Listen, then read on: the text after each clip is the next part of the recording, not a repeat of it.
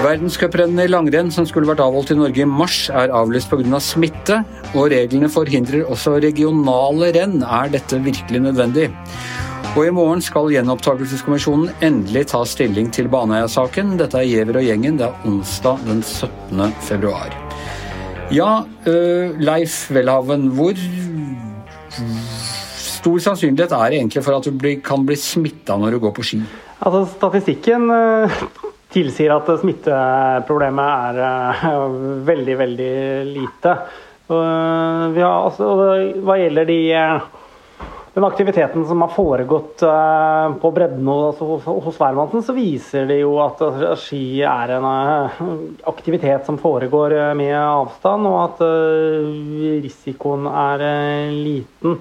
Det har jo vært gjelder eliten og altså, transport av personer frem og tilbake og ulike former for, altså for skiarrangementer, så har det jo vært eh, noen eksempler. Men eh, litt det er vanskelig å vite hva som har utløst hva. Men altså, i sum så er det ikke noe tvil om at ski er en idrett som utøves i fri natur med god plass og, og, god avstand. Og det utløser jo da naturligvis en frustrasjon hos dem som gjerne vil ha frislipp i stedet for restriksjoner. Ja, og Når vi, altså når vi snakker om for verdenscuprennet, så er det det med innreisen som er problemet, eller er det også da anført eh, at man kan smitte hverandre i eh, sporet? Altså det er to hovedproblemstillinger her. Altså Hva gjelder grunnen til at de ulike mm, skiarrangementene, både langrenn og andre grener, ikke blir arrangert på, på, norsk jord, handler om at man har et prinsipp hva gjelder innreisekarantener som gjelder i eh, alle samfunnssektorer. Og norske myndigheter har, har valgt å ikke gi eh, idretten noe unntak eh, fra dette. Det er ganske mange mennesker og et stort apparat som var tiltenkt å komme til uh, Norge uh, for å gå på ski. og da er altså, Smitterisikovurderingen handler da altså, først og fremst om dette. Uh, hva gjelder hverdagsaktiviteten og bredden fra dem som har altså innenlands i Norge, så har man jo hatt en eskalerende konflikt som førte til at eh, Norges Skiforbund bare for et par dager siden skrev et veldig skarpt brev til eh, helsemyndighetene, hvor de altså mener at Helsedirektoratet ikke ser ut helt til å altså forstå skisportens egenart og, og, hva det går ut på. og Han har da vanskelig for å forstå at det skal være så strenge begrensninger for uh, hvem som får lov å trene og gå renn geografisk. Så han har rett og slett krevd, eller fall bedt sterkt om, altså en, en gjenåpning av, av, skiidretten i Norge, så lenge det er litt uh, tid igjen hvor man faktisk har snø. Men Hva, hva mener Skiforbundet sånn om, om verdenscuprennene? Er, er, det større forståelse der for at uh, der dreier det seg tross alt mer uh, om mer enn å passere hverandre i sporet? Folk kommer inn og skal bo på, innkvarteres og, og samhandle på andre måter også? Altså, Skiforbundet har vel hatt et todelt eh, budskap der. På den ene siden har skipresident Erik Røste vært klar på at han eh, respekterer avgjørelsen fra norske myndigheter. Samtidig så er det et bakteppe at uh, Skiforbundet er veldig klare på at de mener at de kunne arrangert dette innenfor gode og trygge rammer. Og det er klart det er et tema sett med Skiforbundets øyne at alle andre arrangørland velger å gjennomføre skirenn, mens Norge altså, skiller seg ut fra de andre. og fra mange idrettslederes hold så handler dette om en form for internasjonal solidaritet og et internasjonalt fellesskap som de er en del av. og Det har falt mange i Idretts-Norge altså tungt, for, tungt for brystet at vi ikke kan invitere altså, som den eneste som skiller seg ut. Men er dette litt sånn altså at både, både, si, både kultur og idrettslivet blir litt eh, collateral damage uh, uh, i alle disse smittevernsammenhengene? Jeg tenker på altså at man stenger kinoer og sånne ting, hvor, og, og uh, kultur arrangementer hvor det er fullt mulig å ta smittevernhensyn, hvor folk kan sitte liksom ved annethvert sete og med avstand, eller, eller idrettsarrangementer hvor det er helt fullt mulig å begrense ting på helt andre måter enn det er i butikker og, og på kjøpesentre. Så at dette blir mer Ja, de ofres som en slags symbolpolitikk. Eh, mer enn den reelle, for den reelle smittebegrensningen? Altså, dette er krevende. Det hadde nok etter all sannsynlighet vært mulig å få gjennomført langt mer hvis man hadde hatt mer skreddersøm både mellom ulike idrettsgrener og ikke minst geografisk, avhengig av hvor smittetrykket er. Eh, problemet har vel, altså har vel, vært at det er veldig vanskelig å ha regler for hvem du skal ha særunntak for eh, når og hvordan. For Fra fotballens side for eksempel, så har du jo 50 000 breddefotballspillere som har vært på sidelinjen eh, nå, nå, veldig lenge, med en voldsom frustrasjon i Fotballforbundet, som man på den ene siden kan forstå. Samtidig så er det vanskelig å selge inn et eh, budskap om at du skal ha en enmetersregler som, altså, som, gjelder store, store, deler av tiden, mens eh, breddefotballspillere på fritida, det øyeblikket du tar på deg en fotballdrakt, så skal du være opphevet fra reglene som gjelder ellers, ellers og for eh, alle. Så dette har jo vært et tema nå som har egentlig, det har vært diskusjoner om i, altså, helt siden koronaen kom. Hvem skal få unntak eh, og på hvilke kriterier. Og det, her kan man ha ulike ståsteder. Men det er klart du har noen idrettsgrener som virkelig skiller seg ut med at altså, per definisjon inne, altså, inneholder avstand. og Da går det i hvert fall uansett hva man mener prinsipielt om spørsmålet, er det fullt mulig å altså, føle stor sympati for at dette oppleves frustrerende i Ski-Norge. Langrennen er nasjonens stolthet og samtidig en ganske smal uh, idrett internasjonalt. Og, og den stadige globaliseringen Jeg ser jeg har en sønn som kan adskille mer om basketball uh, enn om langrenn. Det at vi mistet, mister disse verdenscuprennene, vil det gå utover interessen for langrenn generelt, tror du? Altså, man frykter jo en ytterligere eskalering av et allerede stort problem, som handler om uh, et, et, frafall i uh, nasjonalsporten vår. Altså Antallet medlemskap i, i Skiforbundet har altså stupt vanvittig siden vi hadde VM i, i Oslo i 2011. og altså Allerede før pandemiproblematikken så skilte Ski-Norge seg ut eh, i negativ forstand hva gjaldt eh, rekruttering eh, og medlemsutvikling. Og det er klart, Med nå kanskje fire til seks uker igjen hvor det kan være mulig å gå, på, å gå renn på snø, så vil jo kanskje det å få muligheten til å konkurrere på tampen sett opp mot å ikke kunne få den, kunne ha en del å si for motivasjon og glede og ønske å prioritere dette fra ganske mange av uh, av utøvere i en viss alder hvor det er usikkert om man, altså om man fortsetter eller ei. Så er det bare tiden som vil vise hvor reell frafallsproblematikken altså er. Men det er ingen uh, tvil om at det i, ja, altså i Ski-Norge er en, altså en, dyp bekymring for konsekvensene for fortiden. Og hvilken da bør pandemien legger på en, allerede, en situasjon som allerede var krevende i forkant. Vår ære og vår makt har hvite ski oss brakt, eller hvordan det, hvordan det heter i poesien.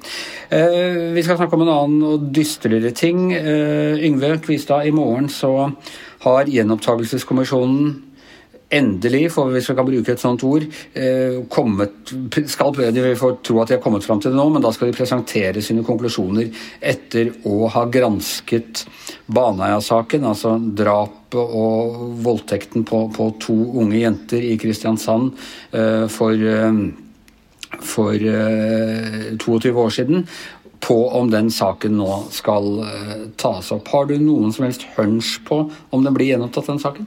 Nei, overhodet ikke. Det at, uh, at uh, kommisjonen har brukt såpass lang tid på å drøfte saken, det kan jo grunn tolkes i begge retninger. Den ene er at de har brukt såpass mye tid for å kunne gå gjennom absolutt alt for å da slå fast at dommen er, den rettskreftige dommen som er avsagt, er er gyldig og ikke, bør, ikke, ikke skal ankes eller gjenopptas. Eller det andre er jo at eh, de har brukt tida for å ja, vise at det som har skjedd eh, av, eh, altså i, i, rettssaken tidligere, ikke har vært godt nok eh, begrunna, og at de ønsker en gjenopptakelse. Så det er, liksom, det, er, helt åpent. Jeg ser at det, det, spekuleres over en lav sko nå, hva det her, hva det her innebærer, i og med at de har brukt såpass lang tid. Men, men det er jo jeg vil jo først og fremst si at det er et uttrykk for eh, ja, selvfølgelig grundig behandling, men også et uttrykk for god rettssikkerhet. Da. Altså,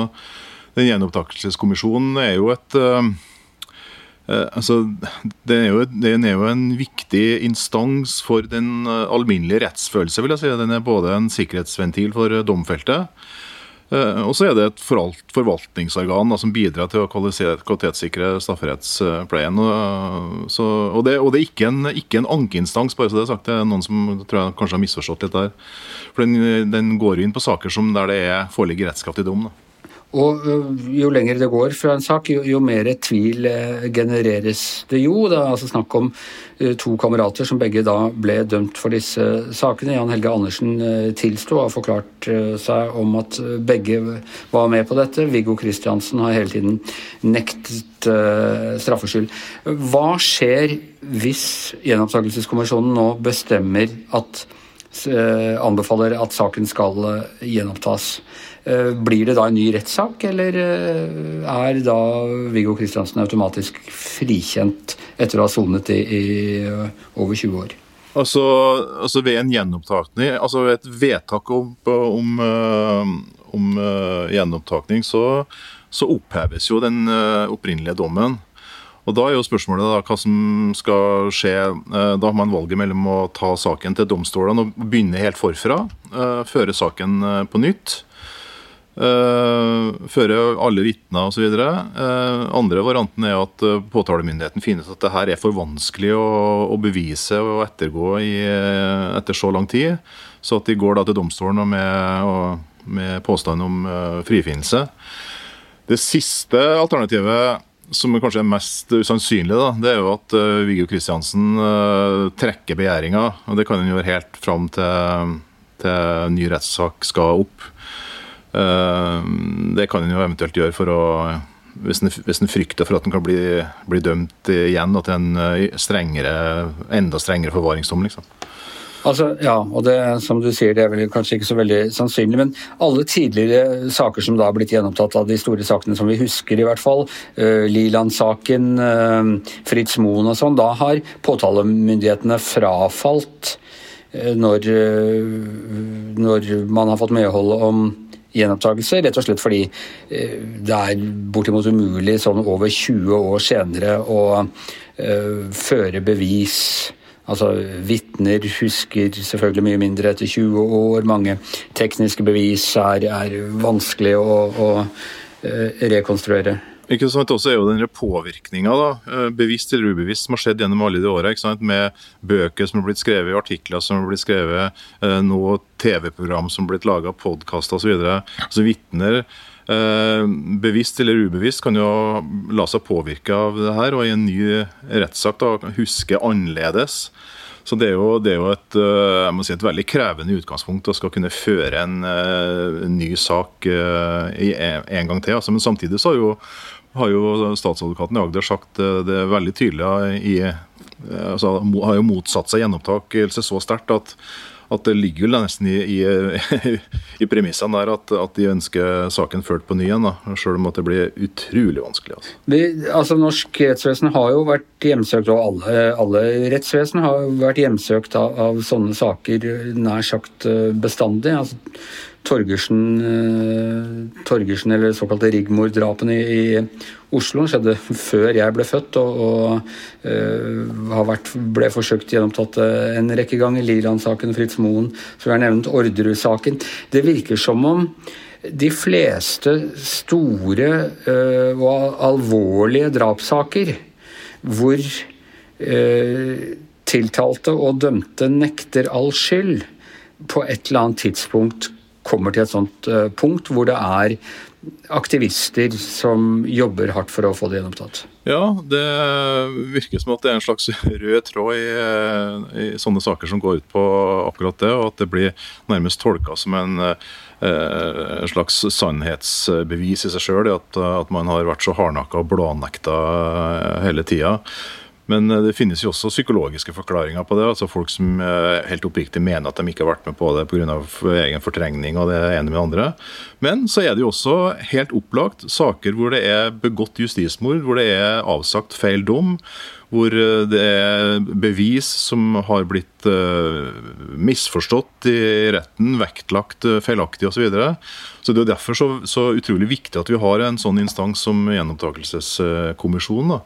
Men det er ja, ikke minst er ny teknologi gjør det jo også mulig DNA-bevis og sånne ting til å Ja, og, og, i det tilfellet her så er det jo snakk om såkalte utelukkelsesbevis, da, som både handler om DNA og og, og, mobilsignaler. Men samtidig så er det jo andre igjen som mener at, eh, at de fortolkningene som er gjort i moderne tid av gamle bevis, eh, like fullt er feilaktig. Så, så striden vil jo helt til siste stund stå om om, om, det går an å tro på at det her er virkelig er nye bevis. Da. Men Påtalemakten vil jo også hevde, og har jo hevda at bl.a. dette mobilbeviset allerede er behandla i i de første, første forhandlingene. Da. Så uh, noe advokatene til Viggo Kristiansen uh, selvfølgelig benekter, og det er jo deres privilegium å, å, å holde fast ved at de uh, alle informasjoner som de nå har brakt på banen, er, er, er ny da, og relevant for, for gjenopptakelse. Men ja, vi får se i morgen klokka tolv, så får vi vite det. Og det blir, Uansett utfall så dette, vil dette få store konsekvenser for ikke minst uh, pårørende på, på, begge sider av, av eh, den saken. Uh, Ofrenes familier, de, de to eh, dømte sine familier. Og, og det vil fortsette å, å, hjemsøke debatten om, om norsk rettssikkerhet. Ja, så vil jeg jo tro, jeg jo tro at, at den beslutninga som blir offentliggjort i morgen, er den endelige i denne saken. For nå er det vel, det er vel sjuende gangen at den er, at den er begjært uh, gjenopptatt. Uh, man har holdt på i 12-13 år med dette, og, og, den siste runden har nå blitt uh, grundig gjennomgått gjennom tre år.